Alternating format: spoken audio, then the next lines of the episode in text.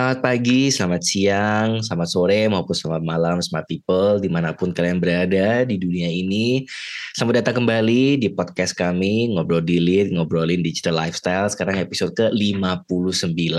Waduh, gak kerasa banget nih, kita tinggal satu episode lagi menuju episode 60.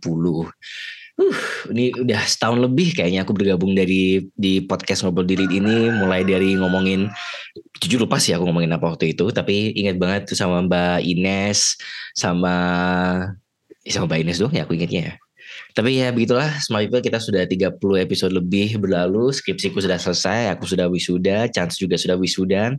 Dan sekarang kita mungkin akan sedikit flashback nih Topik kita kali ini.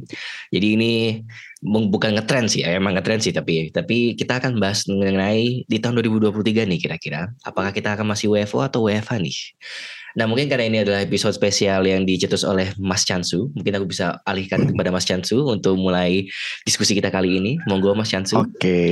halo smart people sebelumnya. Ini ada juga Kak Firia dan juga Mas Adat juga selamat bergabung juga. Hai. Halo, halo, halo. Nah, uh, ini sebenarnya sebuah topik yang apa ya kayak relate banget gitu ya sama kita sebagai pekerja apalagi pekerja yang uh, bukan pekerja uh, formal. Kita lebih ke fleksibel dan tentunya pekerjaan kita juga uh, tidak membutuhkan uh, waktu yang uh, ya rigid gitu ya. Nah, uh, jadi sebetulnya kalau misalnya selama satu tiga tahun sih sudah ya tiga tahun ke belakang sejak pandemi itu kan kita ngerasa banget nih ada perubahan dalam workforce culture gitu ya. Jadi hmm. sebuah transformasi yang terjadi uh, pada budaya kerja di seluruh dunia nggak cuma di Indonesia aja gitu kan. Di mana ketika pandemi uh, datang terus banyak banget negara-negara yang mengeluarkan kebijakan uh, stay at home gitu kan ada kebijakan uh, restriction untuk mobilitas dan mau nggak mau perusahaan-perusahaan tempat-tempat kerja harus ikut beradaptasi dengan kebijakan-kebijakan tersebut gitu. Yang akhirnya menghasilkan banyak banget perusahaan-perusahaan yang beralih dari yang tadinya harus datang secara fisik. Ya mau gimana lagi karena emang ada pandemi kan nggak mungkin membahayakan uh, pekerjanya gitu kan. Jadi harus mau dilakukan dari rumah juga dan akhirnya muncullah WFH ini gitu. Sesuatu yang sebelumnya mungkin kayak belum familiar banget ya di telinga kita gitu kan. Di mana uh, sebelumnya mungkin kita terlalu terbiasa dengan bentuk-bentuk kerja yang fisik gitu yang harus ketemu langsung di uh, kantor. Tapi kita sekarang mau nggak mau harus menggunakan tools-tools tertentu untuk melakukannya yeah. dari rumah. Dan itu pun berkembang juga jadi WFA gitu kan. Yang tadi ya WF, WFH jadi WFA dan dari situ orang semakin makin kreatif juga gitu kan untuk ngelakuin kerjanya dari mana pun dengan menggunakan uh, tools apa pun. Cuman uh, yang jadi pertanyaan nih adalah apakah ini bakalan terus berlanjut atau enggak sih di tahun 2023 gitu karena uh, kalau dari aku pribadi pun dengar-dengar dari beberapa orang nih banyak yang sebetulnya prefer de, uh, dengan pekerjaan yang WFO gitu karena banyak hal yang mereka nggak dapetin ketika mereka WFA gitu. Dan dari ada artikel juga aku baca sempat nih ada penelitian di Indonesia sih. Jadi uh, ditanya ini generation uh, generation generation tertentu nih apakah mereka prefer kerjanya dari rumah atau dari kantor gitu dan ternyata beberapa masih banyak juga porsinya yang prefer kerja dari kantor langsung atau WFO gitu karena ya tadi itu ada pertimbangan-pertimbangan khusus dan sisanya ya ada yang WFO, WFH, ada yang WFA gitu-gitu. Nah, mungkin saya juga mau bertanya nih ke sejawat-sejawat dari CFDA sendiri gitu ya. Hmm, hmm. Jadi uh, gimana sih uh, mungkin dari awal aja sih ya dulu kalau aku kan baru nih di CFDS jadi mungkin baru belum setahun kan belum genep. Nah kalau dari CFDS sendiri ketika uh, ada nih uh, sebuah transformasi workforce ke WFH gimana awalnya? Mungkin Bung Adat atau ya. Kafiria mau menjawab. Ya kalau dari aku sebenarnya uh, ketika aku masuk pertama kali di kantor ya di CFDS kan dulu sempat masih WFO dulu Uh, sebelum se maksudnya ketika menjadi uh, staff tetap ya gitu. Jadi di awal-awal 2020 ya ketika itu kita sudah dengar ada isu pandemi tapi masih kantor, masih ngantor karena memang di Indonesia belum ada uh, first case-nya gitu, belum ada kasus pertamanya. Jadi uh, kita masih masuk, kemudian tiba-tiba bahkan kita masih berkegiatan dengan mitra, ngadain acara offline juga di kampus pula. Nah, ketika itu udah ada isu ini gimana nih boleh atau nggak boleh atau nggak udah mulai mahal tuh harga uh, dan lain-lain uh, apa namanya uh, hand sanitizer dan lain-lain yang akhirnya pada masuk pada pembahasan kayaknya kita nggak bisa ngantor lagi karena semua karena kantor ditutup. Kebijakan dari kampus kebijakan dari beberapa tempat pekerjaan itu mulai ditutup. Dan jadilah ketika itu eh, karena belum parah-parah amat ya waktu pertama itu jadilah kita tetap masuk giliran. Jadi awalnya masuknya giliran jadi uh, ada piketnya gitu, jadwal piket. Tidak masuk semua, tapi ada jadwal piketnya. Kalau nggak keliru seminggu dua kali tuh kebagian apa? Seminggu tiga kali, aku agak lupa. Ya udah akhirnya kita uh, mulai dengan satu tahun pertama pandemi ya kita nggak akan menyangka pandeminya akan selama itu karena kita berharap mungkin ya tiga bulan lah empat bulan gitu. Kita nggak pernah merasakan yang namanya pandemi ini soalnya.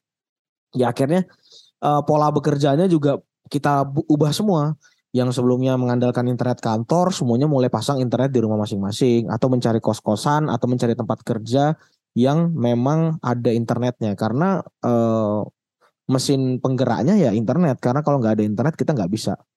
Ditambah tahun 2020 itu memang declining banget ketika itu. Penurunan banget uh, project kita juga agak lam agak lambat ya gitu ya pergerakannya. Dan dan ya itu masa-masa kita sulit lah ketika itu di CFDS juga. Dan uh, akhir akhirnya memutuskan untuk uh, full WFH ketika itu ada salah satu momen mulai banyak banget banyak yang kena dan sudah mulai menimbulkan korban jiwa di sekitar sekitar kita 2021 kita berharapnya lebih lebih uh, nyaman gitu ya, lebih aman. Ternyata malah lebih parah juga. Ada varian Delta yang lebih maut itu. Dan uh, di workshop 2020 kita memutuskan untuk kita evaluasi per tiga bulan gitu ya. Kebijakan-kebijakan kantor kebijakan kita WFA bagaimana kita melakukan interaksi dan lain-lain. Itu nggak nerima tamu tuh sama sekali selama setahun ke kantor ya. Jadi nggak ada tamu hmm. sama sekali ke kantor. Nggak ada kunjungan sama sekali ke kantor karena memang tadi penurunan dan juga emang nggak ada orang yang mau ke kantor aja. Siapa yang mau ketemu pandemi-pandemi gitu. 2021 baru mulai ada sedikit satu dua yang datang ke kantor sebelum dipukul lagi sama Delta tuh. Ketika dipukul sama Delta kayaknya udah udah nggak ada lagi kebijakan untuk tidak untuk masuk kantor sama sekali. Jadi yang mau ke kantor itu baik resiko sendiri aja. Terserah kamu kalau misalnya mau ke kantor boleh tapi resiko sendiri. Sampai pada akhirnya di workshop akhir tahun 2021 mungkin beberapa teman di sini juga udah bergabung. Itu kita memutuskan uh, full work from home apa pun yang terjadi. Apakah misalnya tahun 2022 ini pandemi masih berjalan atau tidak berjalan, kita semuanya bekerja dari rumah. Jadi bekerja bukan hanya dari rumah tapi kantor kita CFDS punya kebijakan work from anywhere kerja dari mana aja terserah asal pekerjaannya bisa selesai dan uh, dan uh, mitra happy dan beberapa pekerjaan yang harus uh, apa namanya hadir langsung yaitu tanggung jawab kita untuk offline. Hmm. Jadi progresinya seperti itu dari awalnya kita berusaha untuk tetap ada offline gitu, terus kemudian kita melihat efisiensi dan hasilnya uh, ternyata nggak ada bedanya. Bahkan lebih bagus kalau kita ngerjain dari rumah gitu. Pertemuannya kita jarangin. Nah menurutku akhirnya itulah yang membuat uh, di tahun 2022 ini pun kita tetap memberikan keputusan yang sama untuk kantor. Meskipun mungkin nanti ada satu dua pengecualian karena tamu udah makin banyak nih yang ke kantor. Sehingga mau tidak mau harus ada yang piket lagi untuk menemani tamu-tamu ini yang misalnya ada kunjungan ke kantor kita. Okay. Itu singkat singkat itu uh, uh, apa highlight selama dua tahun ini karena kita nggak nyangka nih pandeminya sampai tiga tahun nih. Uh, dan 2020, 21, 22, 22. Dan berarti emang cukup fleksibel juga ya CFD sendiri untuk menghadapi uh, pandemi ini juga dalam Betul. dalam kultur kerjanya. Kalau dari Kafiria gimana uh, sebagai partnership gitu ya? Apakah ada perubahan yang yang banyak terjadi gitu dari sebelum pandemi dan setelah pandemi itu dengan kultur kerja yang berubah juga gitu? Uh, sebenarnya kalau dari partnership partnership sendiri itu tuh nggak apa ya WFH atau WFO tuh nggak terlalu berpengaruh gitu loh karena kan kita tetap kontakan juga karena partner CFDS itu kan nggak cuma dari Jogja ya tapi dari seluruh dari nasional itu plus juga internasional. Jadi kita juga apa ya sebenarnya sangat sangat sangat bersyukur uh, blessed in disguise juga gitu adanya. Pandemi ini kan kita jadi lebih terbiasa untuk kayak uh, zoom meeting gitu bertemu secara virtual. Jadi sangat terakomodir untuk uh, apa namanya pertemuan-pertemuan sama partner yang baik di luar Jogja maupun di luar negeri. Jadinya kayak yaudah kita udah biasa aja gitu menghadapi mereka secara virtual gitu. Soalnya kan kalau sebelumnya mungkin kalau nggak uh, cuma di CFDS tapi kalau kita ketemu partner itu kan biasanya emang yang harus ketemu gitu. Terus uh, ketemu di coffee shop atau bahkan kita datengin dia ke kantornya atau gimana. Nah kalau sekarang kayak mungkin lebih secara budget jadi jatuh, jatuhnya jauh lebih murah gitu ya. Itu dari sisi partnership sih kalau menurutku untuk CFD sendiri. Uh, dan apa mungkin karena kita juga kalau misalnya dari pundi-pundi juga karena uh, apa namanya uh, kita tuh udah lebih siap kayak udah Mas Adat bilang tadi. Udah lebih siap dengan karena kita digital society ya Baze gitu. Kita udah lebih siap sama menghadapi kevirtualan ini gitu. Jadi uh, apa ya partner tuh juga merasa kayak oh emang digital ini itu tuh sesuatu yang emang harus kita hadapi dan harus sudah kita harus sudah kita apa ya harus kita jajaki gitu jadi uh, apa mereka juga jadi percaya sama kita gitu karena kita udah punya udah udah ready secara tools dan lain-lainnya nih sebelumnya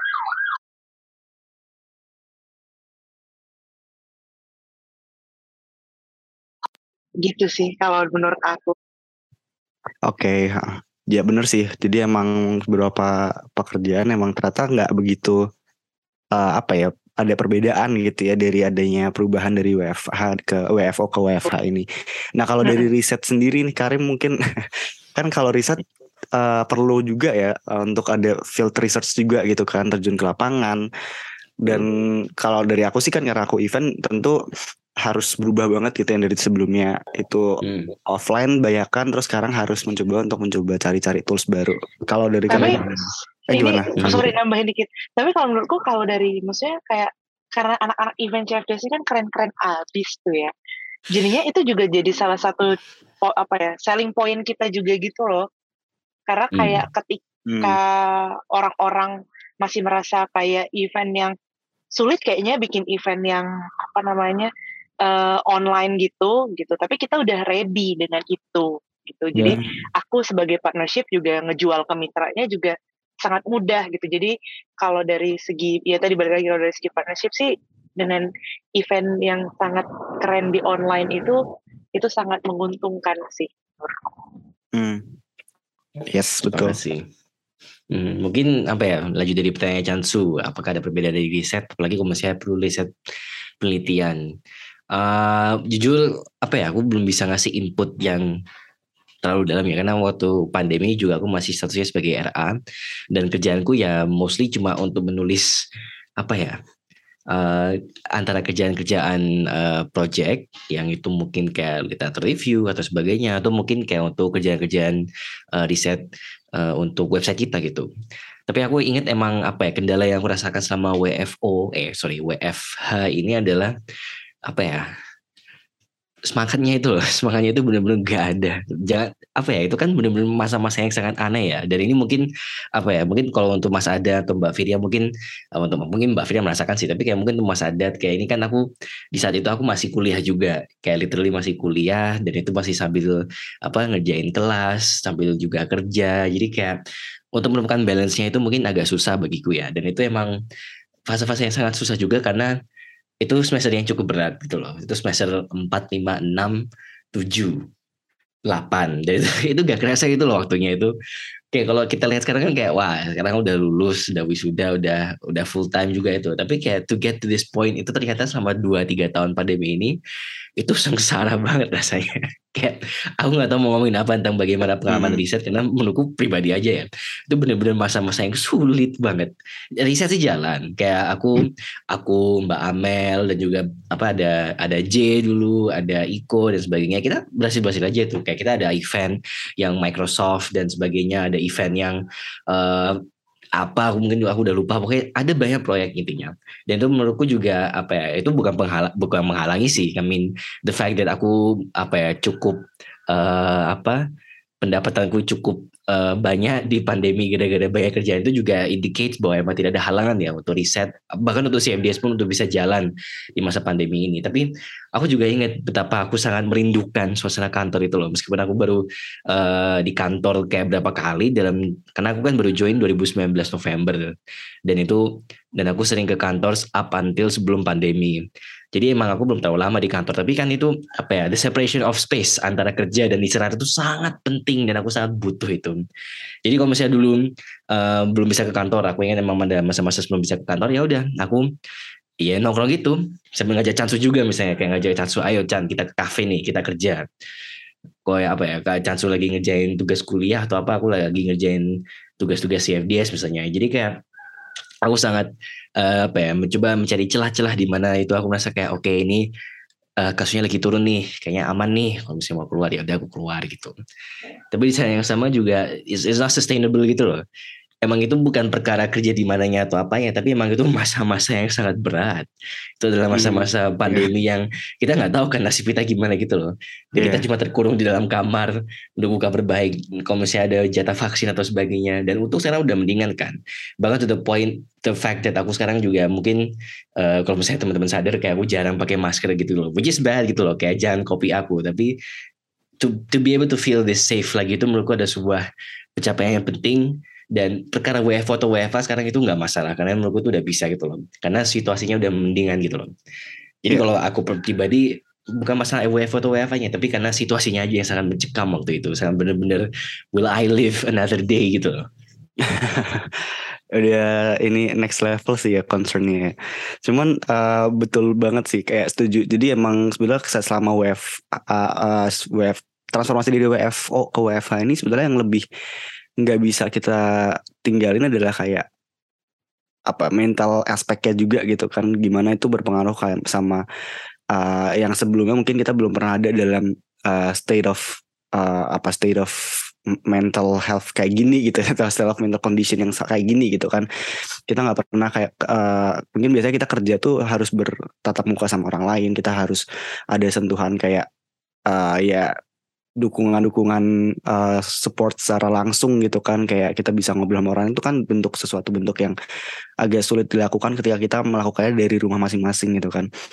Dan kalau menurut aku sih emang balik lagi ya kalau misalnya WFH WFO sebenarnya nggak ada perbedaan. Dan bahkan beberapa perusahaan pun sekarang udah mulai perma apa ya kayak switch permanently ke WFH semua atau WFA gitu. Karena menurut mereka nggak ada bedanya sama uh, kayak cost yang dihasilkan malah mungkin lebih lebih lebih lebih efektif kalau misalnya efisien ya lebih efisien kalau misalnya mereka melakukannya dengan WFO eh WFH sorry dengan WFH atau WFA gitu kan. Daripada harus ke kantor terus juga nanti maintenance buildingnya juga mahal dan lain-lain gitu. Walaupun emang itu uh, fixed cost ya jadi nggak bisa di nggak bisa di uh, otak atik juga. Cuman uh, balik lagi sih ini sesuai preferensi. Tapi kalau aku boleh nanya ke kakak-kakak gitu ya, apakah ini uh, ke depannya gitu? Apakah ke depannya kalian lebih prefer untuk WFH atau mungkin WFO atau gimana? Kalau dari uh, Karim dulu deh, balik lagi ke Karim. Hmm, menarik ini. Kalau menurut gue itu uh, aku nggak bisa ngasih kepastian ya jawaban apakah mending WF atau WFA tapi menurutku the best option adalah is to give options. Karena aku melihat pros and cons masing-masing dari WFO dan WFA dan aku juga melihat apa ya salah satu contributing factor yang menurutku mengapa kita sebaiknya WFA aja itu adalah kemacetan jadi apa ya aku ngelaju kan kalau misalnya mau ke kantor itu 10 km dan mungkin bagi para smart people yang mungkin bukan dari Jogja 10 km itu cukup jauh ke Jogja. Quite far gitu loh. Dan itu juga apa jalan yang aku lalui itu jalan-jalan yang cukup macet. Dan gak cuma aku yang merasakan ini kan. Mungkin uh, beberapa orang-orang kantoran yang kerjanya mungkin di Jakarta misalnya itu kan tantangan juga kalau misalnya mereka harus terpaksa uh, apa ngantor dan halangannya itu adalah uh, macet itu kan itu kan udah bikin bete tuh loh kayak kau kau udah mengabdikan apa sepertiga dua per tiga harimu untuk bekerja tapi kau habiskan dua tiga jam untuk commute itu kan suatu hal yang menurutku it doesn't make sense it doesn't make sense now tapi apa ya fakta bahwa kita dulu bisa juga itu kayak gitu tuh kan berarti emang apa ya ada semacam shift in dynamics. Sekarang kita sudah melihat bahwa memang ada benefit dari WFA dan ternyata juga output yang kita dapatkan selama WFA ini juga uh, apa ya comparable dengan apa yang kita lakukan sama WFO if anything malah lebih bagus itu loh. Kayak kita bisa bilang kalau sama kita di CFDS dalam satu tahun ini mungkin lebih bagus daripada dua tahun kemudian apa sebelumnya itu loh. Tapi kan itu kan banyak banget layers of factorsnya kan jadi menurutku uh, untuk policy makers yang out there sekarang sekarang yang mendengar podcast ini atau untuk CEO CEO tech company sekarang ini yang mendengar ini kasihlah opsi antara WFO atau WFA jangan kau berikan apa ya satu mandat kayak semua harus WFO atau kayak semua harus WFA ya. Give the options loh. Ada yang merasa bahwa mereka bisa kerja di kantor ada yang mereka ada yang merasa bisa kerja di kafe di rumah atau di Bali that's up to them. Yang penting outputnya ada dan uh, sebagai institusi memberikan ruang bebas untuk kau mau pilih yang mana gitu loh. Itu sih kalau dari aku Oke, menarik sih ini. Ini mungkin bisa didengar langsung oleh petinggi-petinggi CFDS gitu ya. Itu kalau dari Karim, mungkin dari Mas Adet gitu ya, selaku petinggi CFDS, ada tanggapan khusus nggak? iya, kalau kalau dari aku uh, mungkin sama pendapatku sama yang di awal tadi ya. Kenapa berubah regulasinya? Kenapa kenapa kita akhirnya harus ada? Uh, jadi intinya gini sebenarnya. Uh, menurutku uh, apa namanya? Ya kita orientasinya tetap pada proses ya dalam satu pekerjaan gitu. Tapi uh, ketika misalnya prosesnya kita punya caranya sendiri dan itu kesepakatan dalam sebuah tim ya tentunya uh, mau mau uh, kita harus rapat kapan, kemudian kita mau pertemuan langsung atau tidak dan lain-lain itu tentunya dalam masing-masing organisasi punya kebijakan masing-masing. Nah di kalau menurutku sejauh ini sepanjang 2022 kalau kita bandingkan dengan dua tahun sebelumnya itu progresnya sangat baik gitu dengan 100% uh, WFH gitu. Tapi WFH kita pun uh, ada kayak custom customnya gitu, ada modifikasinya gitu dengan uh, ketika misalnya tim uh, community outreach, tim, tim event gitu, ketika ada event ya kita nggak bisa untuk tetap di rumah dong. Gimana mau ngadain kegiatan offline tapi di rumah kan nggak possible. Jadi uh, ada beberapa pengecualian yang memang harus kita lakukan karena memang pekerjaannya harus seperti itu dan itu tidak bisa dihindari. Yang kedua, ketika misalnya kita ingin bertemu ke kan di kantor di ruang kantor fasilitas yang kita punya itu kesepakatan bersama gitu. Bukan dipaksakan dari uh, ke sebuah kebijakan gitu. Meskipun uh, ada wacana atau kita sepakat untuk piket karena memang udah tidak bisa terhindarkan lagi tuh untuk kita menerima tamu yang begitu banyak dan lain-lain. Dan itu kan peluang uh, kemitraan bagi uh, kantor kita gitu ya sehingga memang harus diberlakukan seperti itu. Dan menurutku aku aku prefer kalau bisa WFH WFA eh, nggak perlu WFO karena tatap muka seperti ini di virtual menurutku dalam beberapa hal itu cukup. Nah, tapi di divisi lain kan belum tentu seperti itu. Aku bisa melakukan hmm. koordinasi di divisiku dengan cara seperti itu dan paling ketemunya di luar justru buat makan atau buat ngobrolin yang lain gitu, bukan untuk membahas pekerjaan. Karena apa? Karena ya mungkin udah capek juga membahas pekerjaan. Kecuali pengecualian di divisiku ketika ada acara offline yang memang harus uh, hadir di lokasi. Itu menjadi sebuah sebuah uh, gambaranku di tahun-tahun berikut ya. Karena pola itu menurutku uh, cukup berhasil di tahun lalu gitu. Dan dan nah ini formulasi ini menurutku memang custom di masing-masing divisi di CFDS yang memang harusnya punya eh, apa namanya karakteristik masing-masing. Dan ketika nanti di kebijakan itu disamakan gitu kembali menurutku akan menjadi sesuatu yang uh, ya plus minus juga jadinya gitu. Yang hmm. kedua yang yang terakhir mungkin terkait dengan uh, tidak semua orang itu nyaman bekerja di kantor gitu. Dan bahkan ada beberapa orang yang mungkin nggak bisa dapat uh, gagasan atau nggak bisa bekerja di kantor gitu. Tapi ada juga orang yang perlu bertemu orang gitu di kantor. Dan kita mengumpulkan orang-orang ini aja yang mau ke kantor ya silakan ke kantor. Yang nggak mau ke kantor karena memang kerjaannya tidak harus ke kantor ya udah nggak ke kantor. Jadi okay. uh, eh, justru fleksibilitas inilah uh, bentuk uh, aturannya gitu. Jadi aturannya adalah fleksibel dan uh, ketika targetnya sudah ditentukan ya kita berkaca pada target itu aja. Tapi fleksibilitasnya tetap dijaga. Dan so far menurutku nggak jadi isu kecuali uh, penerimaan tamu ya ini menurutku yang harus kita ah, iya. bahas selanjutnya gitu. Cukup jadi isu ya buat siap dia belakangan ini ya. Iya karena setiap minggu pasti ada tamu sejak berapa pekan terakhir uh, menjelang yeah, yeah. Desember ya dan itu menjadi isu sekaligus uh, menjadi tantangan juga buat kita. Apakah kita berani misalnya untuk tidak menerima tamu lagi atau justru kita ya udah kita membuka tamu secara offline mm -hmm. lagi karena sebenarnya kan kalau mau ada tamu mah kunjungan ke kantor aja sendiri. Kita apa kita perlu bikin layar virtual aja. Jadi kalau kita datang kita nyambutnya dari itu yeah, kan iya, itu rekaman uh, ya recorded ya. record, live aja maksudnya Oh, ya udah kita aktifin aja. Lah, kita- tapi kita dari rumah masing-masing mereka nontonin TV kita misalnya kayak gitu. Nah itu kan belum pernah dilakukan. Nah ya Iya. hal-hal yang kayak gitu apakah bisa? Nah kita nggak tahu. Kita akan coba satu persatu mungkin gitu. Mm-mm. Oke, kalau dari Kafiria gimana? Soalnya kayak Kafiria nih belakangan kayaknya sering banget rajin ke kantor ya. Termasuk orang yang suka ke kantor tiba-tiba ngechat, ayo kantor, ayo kantor gitu kan. Mungkin Kafiria Oh, ada insight lain. aja aku ajakin ke kantor. Gimana coba ada insight kah? sebenarnya kalau aku sih sebenarnya prefer karena sekarang kan eh, aku harus offline ya maksudnya aku harus datang ke kantor untuk absen gitu nah tapi itu kayak sebenarnya aku pribadi aku tuh sebenarnya seneng kerja eh, online ya hybrid sih sebenarnya kayak karena full di kantor pun kadang juga nggak produktif gitu. Karena kita ketemu orang setelah sekian lama misalnya ketemu orang jadinya tuh kayak pengen ngobrol aja gitu kan. Jadinya juga nggak produktif. Atau misalnya kayak ya itu kayak tiba-tiba ada tamu yang datang padahal kita udah ada plan apa-apa-apa jadinya nggak jadi. Atau misalnya karena kita kelamaan commuting jadinya kayak ah capek kak sampai kantor tuh keburu capek malah fokus untuk nyari makan siang atau nyemil apa food kopi apa gitu kan. Jadinya kayak lebih kadang tuh di kantor tuh juga nggak produktif menurutku.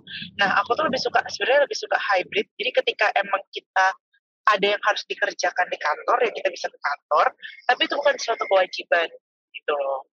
Karena menurutku ya eh, sekarang tuh semenjak ada pandemi kan udah mudah banget ya. Dan apa namanya tuh kayak sekarang saya nih akhir tahun gitu kita harus kantor.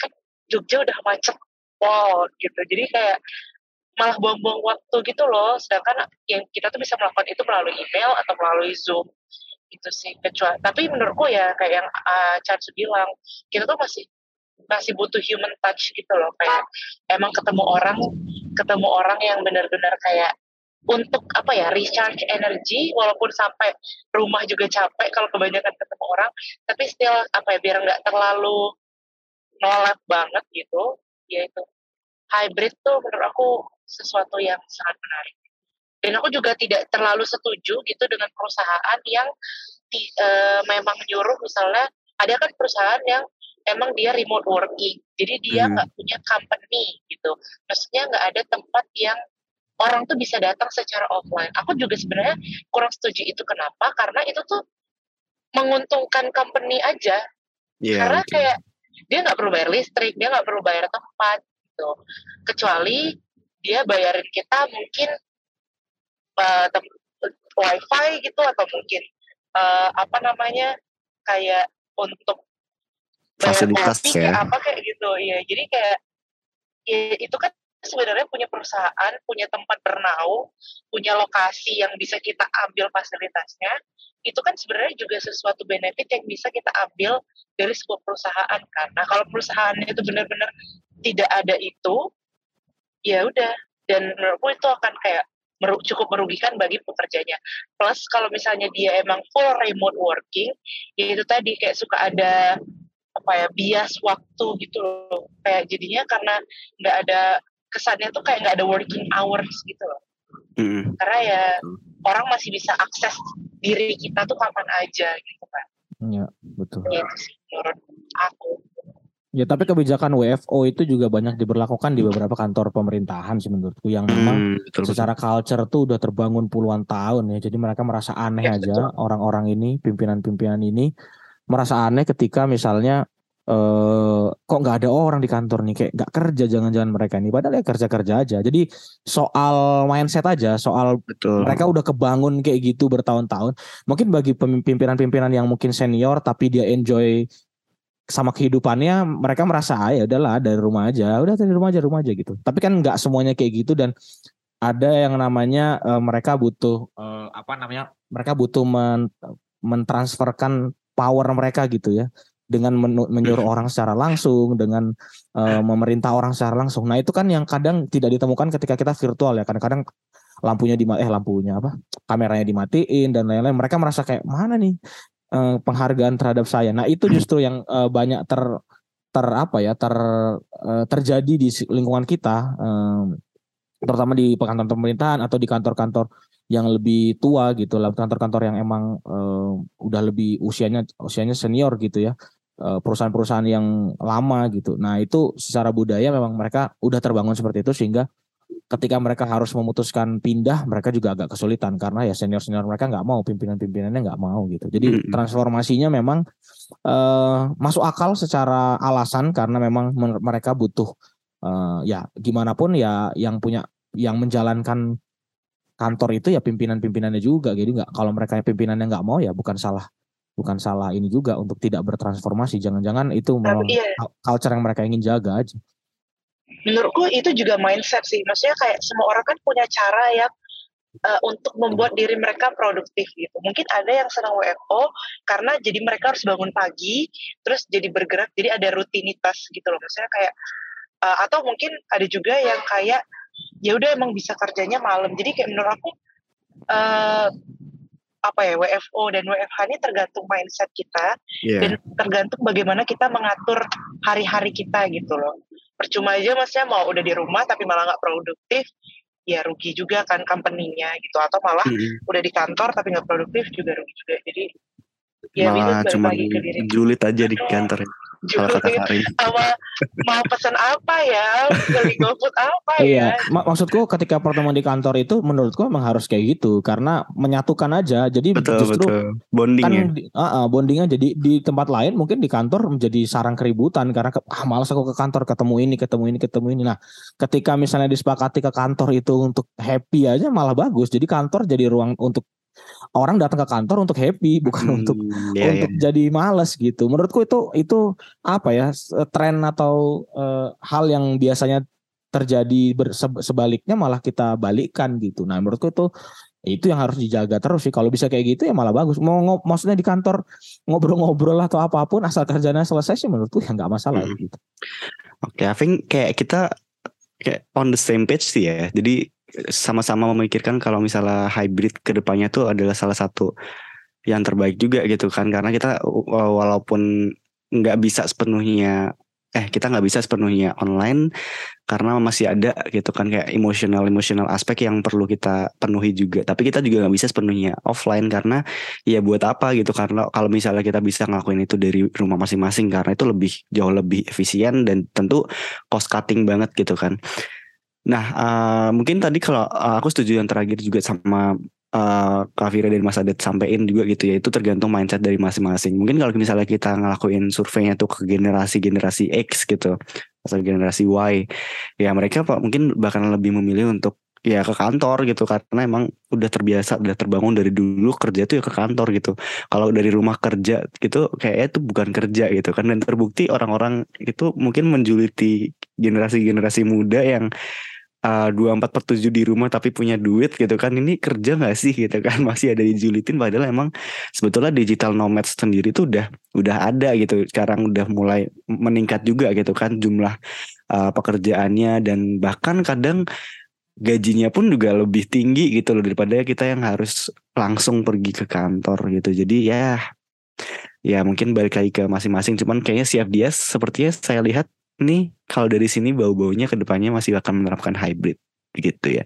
Mungkin balik lagi ke Karim, mau aku balikin ke MC atau mungkin ke host untuk menutup episode kali ini. Iya, terima kasih Jansu. Memang sepertinya topik kita kali ini emang apa ya, sebuah refleksi tidak hanya untuk uh, smart people saja, tapi juga untuk kita sendiri. Bahwa emang kenyataannya emang sepertinya untuk CFDS ini yang paling cocok buat kita adalah hybrid. Buktinya saja bisa kalian lihat loh smart people di cfds.vispo.game.ac.id. Meskipun kita kerja yang hybrid, hasilnya juga sudah ada. Bisa juga kita lihat di Instagram kita di @cfds_ugm maupun juga di Instagram kita yang terbaru di live at cfds_ugm. Jadi apa pun kerjanya di mana pun kita juga selalu up to date gitu loh. Waktu kita ke Bali pun kita juga update di live at CFDS. Kita ke apa ke Bajo, ke Pontianak. Oh, kalau yang Pontianak nggak update sih. Tapi kalau masih kita ke mana itu Mamuju itu kita juga update loh guys di at, eh, at live at CFDS. Jadi emang uh, di mana pun kami berada, kami akan selalu update dengan kerjaan-kerjaan kami dan kami akan selalu memberikan hasil terbaik bagi para smart people. Mungkin sekian dari kami untuk episode kali ini. Terima kasih. Sampai jumpa di episode berikutnya, episode 60. Dadah. Hai. Thank you